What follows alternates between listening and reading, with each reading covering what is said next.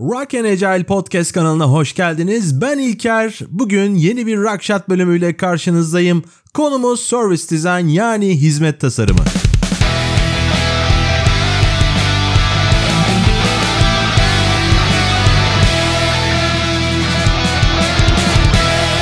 Bu yaklaşım Lean Shastik tarafından 1982 yılında ortaya atılmıştır.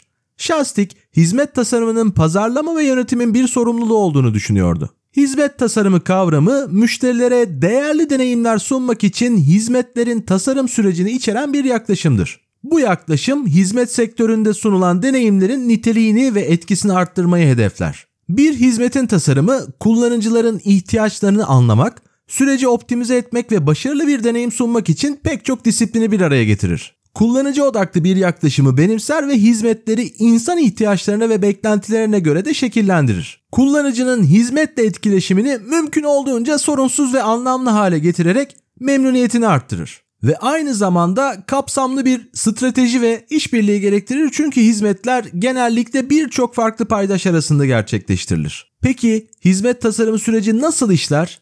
İlk adım kullanıcıların ihtiyaçlarını ve beklentilerini anlamak için kapsamlı bir araştırma yapmaktır. Bu araştırma müşteri görüşmeleri, anketler, gözlem ve benzeri yöntemler kullanılarak gerçekleştirilebilir. Bu adım hizmetin mevcut durumunu anlamak için de gerçekten önemlidir. İkinci adım kavramsallaştırma.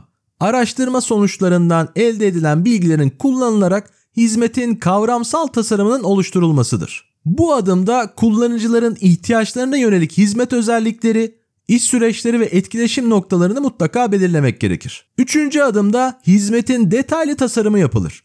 Bu adımda hizmetin kullanıcı arayüzü, iş akışı ve görsel öğeleri oluşturulur. Tasarım süreci genellikle prototip oluşturma ve kullanıcı testleriyle de desteklenir.